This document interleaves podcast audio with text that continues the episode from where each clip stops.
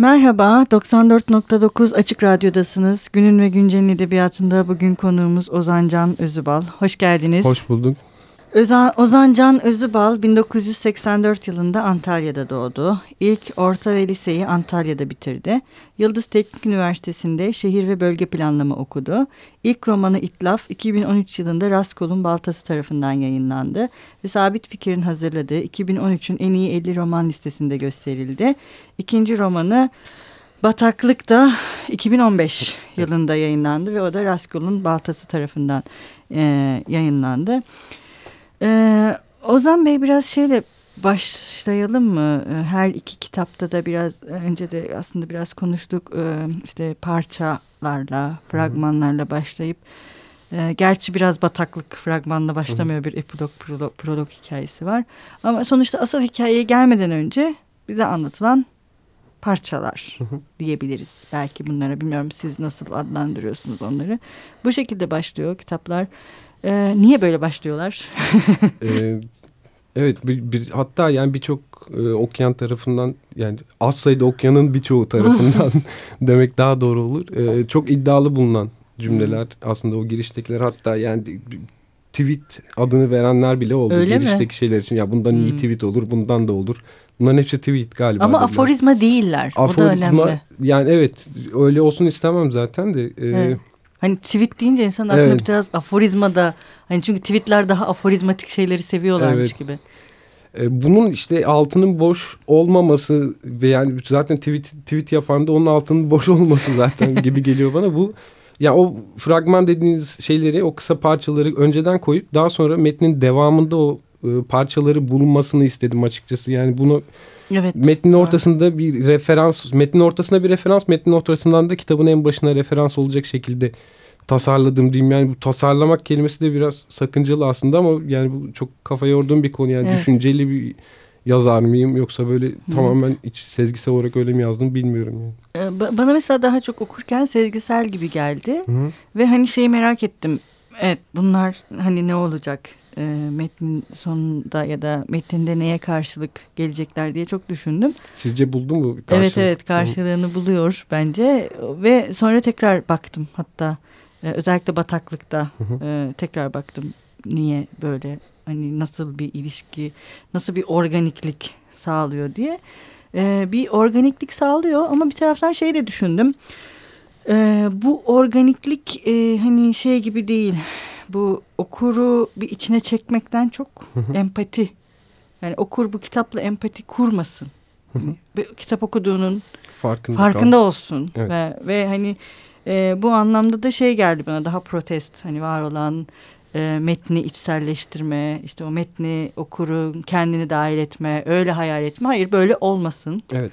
uzak olsun işte mesafeyi hep e, Korusun. korunsun Ee, sanırım yani bilmiyorum protestin şeyinden mi yani kendi yapısından mı ama bilmiyorum modernist e, evet modern modernizmin yani Evet. modernist bir yazarın tavrı böyle Evet. olmalıymış gibi geliyor bana her Evet, dakika doğru. kitap okuduğunu yani siz daha iyi biliyorsunuz. Tabii. estağfurullah. Yok bence de her dakika Hı hı. kitap okuduğunun farkında olsun.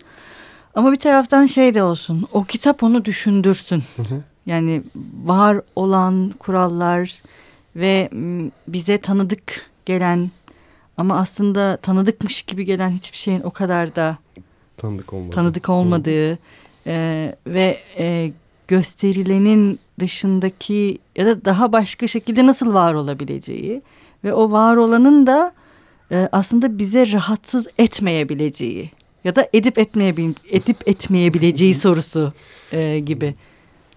O yüzden mesela itlaf ve bataklık isimler de çok anlamlı aslında. Ee, yani açıkçası bir yandan da şöyle bakmak lazım. Bu metinleri yazdığımda yani bir, en azından bir 5-6 senesi var İtlaf'ın. Hı hı. Dün, yani Türkiye konjonktürü de böyle değildi bu yaptığımızda. Yani çok bambaşka değildi tabii ki. Yine aşağı yukarı böyleydi ama daha arada bir şeyler oldu biliyoruz yani ne olduğunu. Ee, yani öyle bu hikayeler böyle karanlık içinde ölüm kelimesinin hoyratça kullanıldığı hikayeler. Ama şimdi ben öyle ölüm lafını öyle alamam ağzıma. Yani bu çok bambaşka. Yani o yüzden bu kitaplara artık biraz uzak duruyorum. Yani anlatıcının rolü olarak da e, ben anlatıcısı yok ikisinde de. Evet. Ama artık ben yani bir, bir noktadan sonra roman kurumuyla da biraz haşır neşir olduktan sonra artık modern bir romanın ben anlatıcısıyla gitmesi gerektiğini düşünmeye başladım ve bu şekilde yani biraz açıkçası şu an niye buradayım çok bilmiyorum yani çünkü yani sanırım kitaplar yüzünden değil de metnin kendisinin e, vaat ettiği bir şeyler var sanırım bir potansiyel evet. var ama potansiyel yüzünden buradaymışım gibi burada konukluk olmuşum gibi bu vesilede teşekkür edeyim Yok, tekrar. Estağfurullah biz çok teşekkür ederiz ee, burada olduğunuz için. Acaba şöyle olabilir mi hani şimdi bu kadar işte 5-6 senede her şey çok değişti ve siz ben anlatıcıya dönmek istediğinizi söylediniz. Buradaki e, aslında ben anlatıcı da çok öznel olmayabilir. Yani tamamen o öznelliği yıkıcı bir şekilde kurulabilir. Ama daha çok kendine yeniden kurmaya da yönelik bir şey. Hani bu biraz daha e, daha vurucu yani işte bu karanlık tarafından bahsettik kitapların daha karanlık değil mi? Tam bir, bir, bir yani soruyu biraz anlamam lazım. ya böyle şey gibi hani ben hani üçüncü Hı-hı. yani daha üçüncü tekil şahıstan birinci tekil şahısa ve ben anlatıcıya dönmek istediğinizden evet, bahsettiniz ya. Bunu, biraz daha karanlıklaşmıyor mu artık? E, sanırım öyle oluyor. Evet. Yani şu an üçüncü üzerinde çalışıyorum Hı-hı. güncel olarak. Zaten onu gözlemliyorum ama bir yandan da şu var. E, ben anlatıcısına geçtikten sonra e, nasıl diyeyim o naif, sezgisel evet. yazardan kurtulmuş oluyorsunuz. Artık bir yanınız Hı-hı. o düşünceli ne yaptığını farkında olan yazara geliyor ve her dakika ben okura bunu hatırlatmak zorundaymış gibi hissediyorum ki bunu hissetmek de hani hissetmemek hmm. bu da ayrı bir tartışma anladım. konusu tanırım. Ee, Yo, anladım. Yani o, bilmiyorum daha karanlık tabii ki daha karanlık olacaktır ama daha karanlık ve daha şey ben yani tabii ben öyle düşünüyorum ama Hı -hı. bakalım. Biraz şeyden e, bu metinlerin e, karanlık tarafları dışında ortak olan e, bir şey daha var. Her ikisinde de baba ölü. Hı hı. E, ve her ikisinde de bir engel durumu evet. var. İşte ilk önce bir çocukta sonra annede. Her ikisinde de sonradan olmuş doğuştan değil. Hı hı. E, bu, bu tesadüf olarak mı ortaya çıktı metinlerde?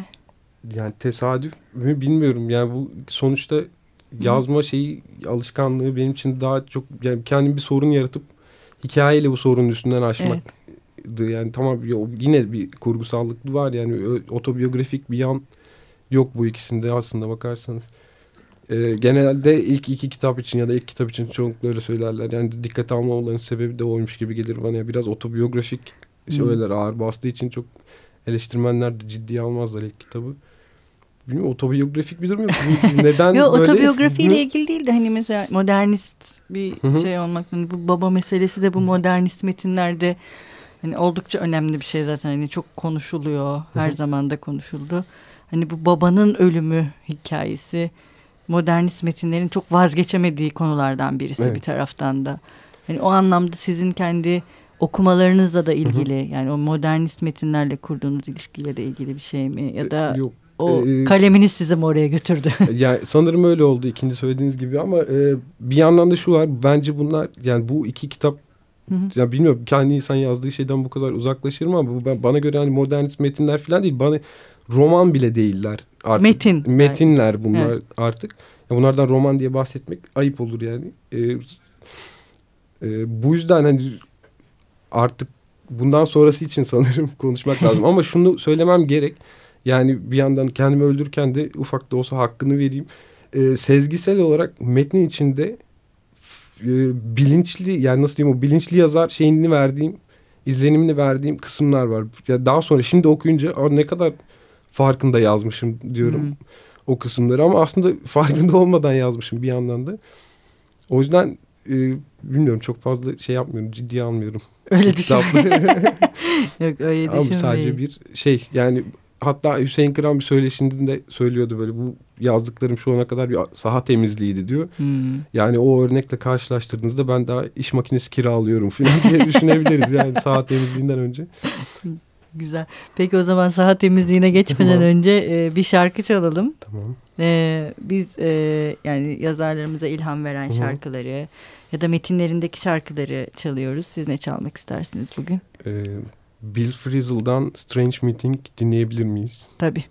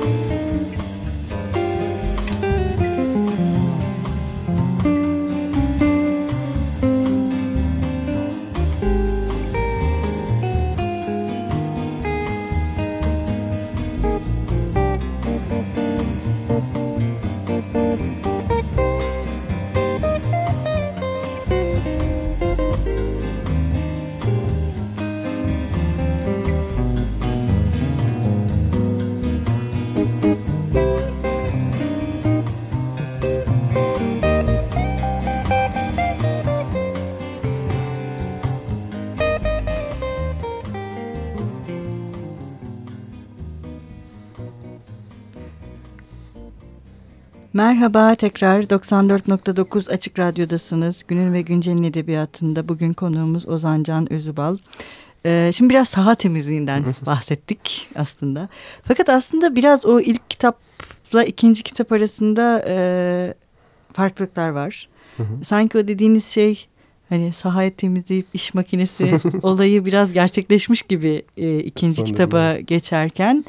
E, İlk kitapta çiz yani desenler ya da çizim mi demeliyiz farklı kişiler tarafından var. çizilmiş yapılmış. Ee, bunları da metnin bir parçası haline e, evet. getirmişsiniz. O anlamda kolektif de bir şey aslında ilk evet. kitap.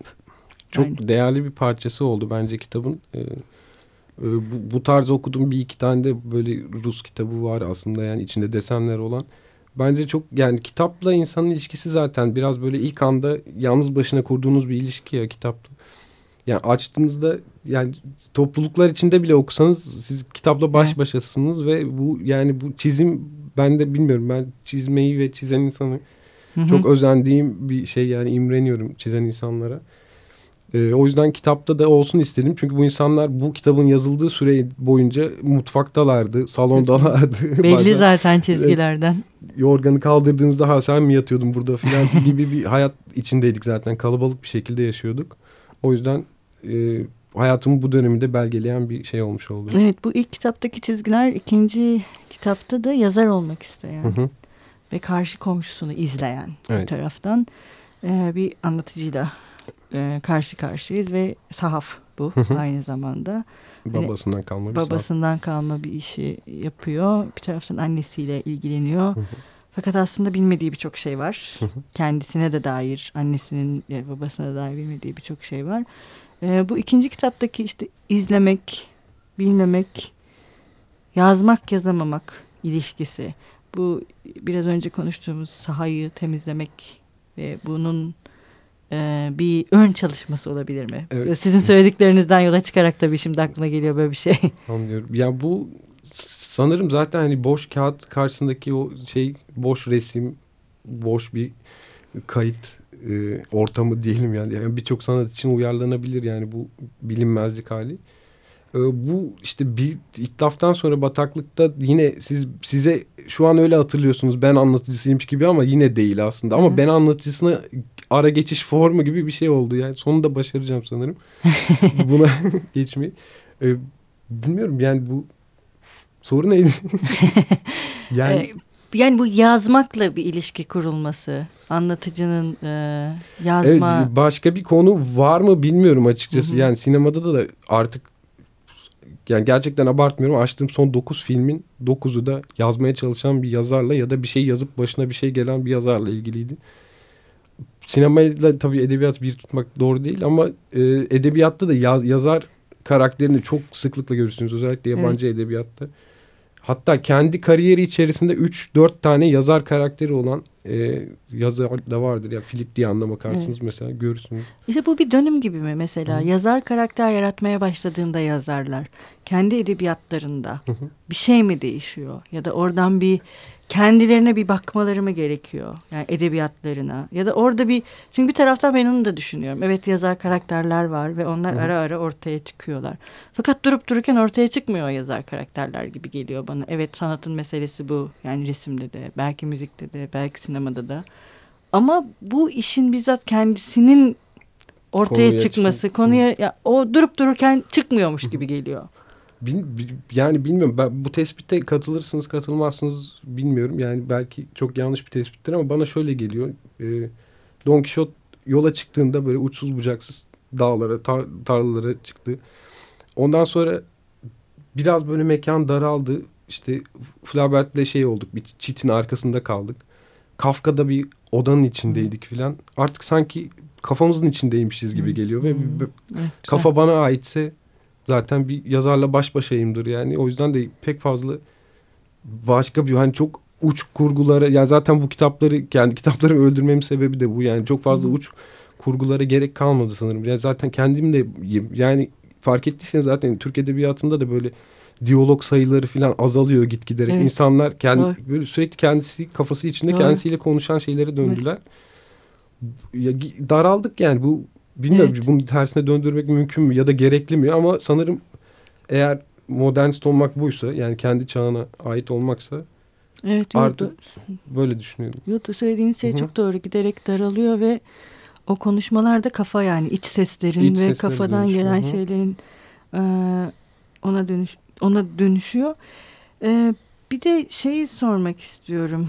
E, özellikle bataklıkta e, yaşlı adam, yaşlı adamın Hı -hı. evinde gezip dolaşma, sonra e, o yaşlı adamın sahafa gelmesi ama hiç Hı -hı. tanışmıyor olmaları, izlemesi Hı -hı. adamı, sonra işte bir genç kızın olduğunu Hı -hı. düşünmesi. Bu yaşlı adam. Evet. Mesela hani o daralmanın başka bir şeyi mi? Ee, yani anlatmak istediğim şey hikayede en azından Şimdi söylersem kitabın sonunu söylemiş olacağım ama nasıl kimse okumuyor. kitabın o yüzden sonunu söylemeyelim. şey yok. Peki yani bu tamam bu yaşlı adamın esprisini söyleyeyim ama bu yine kişinin yani benim kendi kendimle kalmamla alakalı. Karakterin de kendi kendisiyle bir şey aslında. Yani karşı adamın karşıda olmasının sebebi zaten ben pek okuduğum şeylerde hatırlamıyorum. Kendi evini, kendi hayatını dışarıdan yani fiziken dışarıdan izleyen bir sahne ya da öyle bir şey romansal bir an diyelim ona. Öyle bir romansal an okuduğumu hatırlamıyorum. Onu yakalamış olmanın zaten heyecanıyla bu kitap evet. basıldı diye seviniyorum. Yani yoksa evet. yakaladığım başka çok da fazla bir şey yok. Yok başka yani. şeyler de var. bir de e, mesela ben kendim şey diye düşünmüştüm. İtlaf'ta bir abi kardeş ilişkisi Hı -hı. var aslında hani onların neredeyse birbirleriyle hiç iletişim kurmadı ama bize anlatılan ve anladı hatta biraz sezdiğimiz bir ilişki. E, ikinci kitapta da bu ilişki aynı şekilde e, yaşlı adam ve onu izleyen karakter, karakter üzerinden e, dönüştürülmüş. Tabii orada küçük farklılıklar da olsa da hani bu iki insan arasındaki ilişkiye da işte akraba olsun ya da hı hı. olmasın yani karşıda dursun ya da yanında olsun kan bağı olsun evet. o ilişkilenme şeklinin çok da farklı olmadığı böyle bir şey e, yani, yani o mesafe ve darlık hikayesinde hı hı. hani daraldıkça uzaklaşıyoruz evet. gibi yani aslında bu yaşlı adam şeyini bunu o abi kardeş ilişkisine benzetebilir miyiz? Tam emin değilim. Yani kendi adıma bunu o şekilde cevaplayamam sanırım. Çünkü yaşlı adam ve Yakup hikayesinde bataklıkta e, biraz kendine bakmak ve yani aslında bu kitabın konusunun tutkusu aklında bir tek bir cümlem vardı yani. İnsan kendi anılarını restore edebilir mi? Evet. Cümlesinden çıktı kitap yani. Bu da zaten anı lafı geçtiği zaman otomatik olarak kelime havuzunuzdan yaşlı bir insan ve genç bir tecrübesiz bir insan çıkıveriyor. Bu hmm. ikisinin karşılaşması insan kendi kendini restore edebilir mi anılarını? Silebilir mi? Yani hiç olmamış gibi davranabilir mi? Ya da zaten şu an sizinle bir anı paylaşıyoruz şu an aslında açık radyoda. Bu anıyı e, birimiz öldükten sonra diğerimiz başka bir şekilde anlatabilir. Evet. E, ve anlattıkça da bu anı yani çünkü bunun arkasında neler yaşandığını neler konuştuğumuzu sadece ikimiz biliyoruz. Ve istediğiniz gibi anlatabilirsiniz artık. Tabii. Geçmişinizi restore etmiş olursunuz yani evet. ana fikir buydu. En evet. azından ana ekseni buydu yani daha doğrusu. Yok o ana eksen hı hı. evet bence de şey e, biraz mesela o anlamda ben şey de düşünmüştüm. E, ilk kitapta abi ve kardeş arasındaki ilişki abinin avcı olması. Hı hı. Ava gitmesi. Diğer taraftan kardeşin tırnak içinde bir engelli olması ama o engelin bir taraftan onu dünyaya karşı farklı bir şekilde de konumlandırıyor hı hı. olması. Bir e, savunma ve koruma aslında çok ilkel evet. bir şey bir taraftan. Ee, ikinci hikayede de yaşlı adam hani tam da söylediğiniz evet. ana dediğinizde bir bilen, bilmeyen, yaşayan, yaşayan, gören, olan. görmeyen ilişkisinin başka bir şekilde e, kurulması Korum. gibi. Yani aynı, benzerlikten tam, çok yeniden bir şey gibi tam düşünmüştüm olarak Mehmet. şimdi anladım ne demek istediğini. Yani çünkü evet bu biri diğerini ilkel bir yöntemle fiziksel olarak korumaya çalışırken diğeri zaten başına gelecekleri önceden söyleyerek evet. onu koruma altına almaya çalışıyormuş gibi bir güdüden bahsediyor. Evet böyle bir ortaklık kurulabilir evet, sanırım yani bir, ya bu iki. Evet gü güdülerle Hı -hı. ilgili bir şey. Yani, yani düşün düşünmekten çok güdüler ve güdülerin harekete geçirdiği daha e, nasıl diyeyim daha çok hani insanca Hı -hı. tırnak içinde kabul edilen şeylerden çok güdülerin yönlendirdiği ve ona göre hareket edilen. Belki o yüzden mesela metinlerinde ben hani parçalar halinde başlayıp hı hı. tıpkı şey gibi hani bir şey hatırlamaya başlarken bütünü görmeyiz. ufak parçalar. ufak ufak parçalar vardır. Sonra o parçaları işte biraz önce sizin söylediğiniz gibi birleştirip bir kurgu oluştururuz kafamızda. Biraz onunla ilgili olabilir gibi gelmişti bana Hı hı. açıkçası. Biraz şeyin de tabii etkisi var. Yani bir- birçok yönetmen de aynı şeyi yaşıyor. Niye sinema örneği verip duruyorum bilmiyorum ama e, yani bir- yeni filminiz ne zaman nasıl olacak dediklerinde böyle e, kırmızı duvar önünde dans eden beyaz bir kadın olacak diyor mesela. Aklında sadece bir İmge bu var, bir şey var, bir- evet. bir renk bunun üzerine var. gidiyor zaten. Aslında o fragmanda o baştaki o kısa şeyler Evet. o zaten fikir bir anda beyinde patlar dediğim anda patlıyor yani o şekilde. Evet. O yüzden mesela hani bir düşünce Hı hı. değil, güdü ve güdüden düşünceye doğru giden bir formu var Ama metinlerin. büyük lafları sevmiyorum. Bunu buradan hazır fırsat bulmuşken böyle kapıya yazılacak, mezar taşına yazılacak cümleleri olan kitapları da, romanları da hiçbirini sevmiyorum yani. Peki. Ozan Bey çok teşekkür ederiz. Ben teşekkür- Maalesef programımızın evet sonuna geldik. Ee, bugün burada e, bizimle birlikte olduğunuz için çok teşekkür ederiz ve e, biz e, her ne kadar siz çok bundan hoşlanmasanız da bizim programımız böyle. E, programın sonunda işte okurlarınız ve dinleyicilerimiz için bir e, sayfayla veda Hı hı. ediyoruz. Siz ne ile veda etmek istersiniz?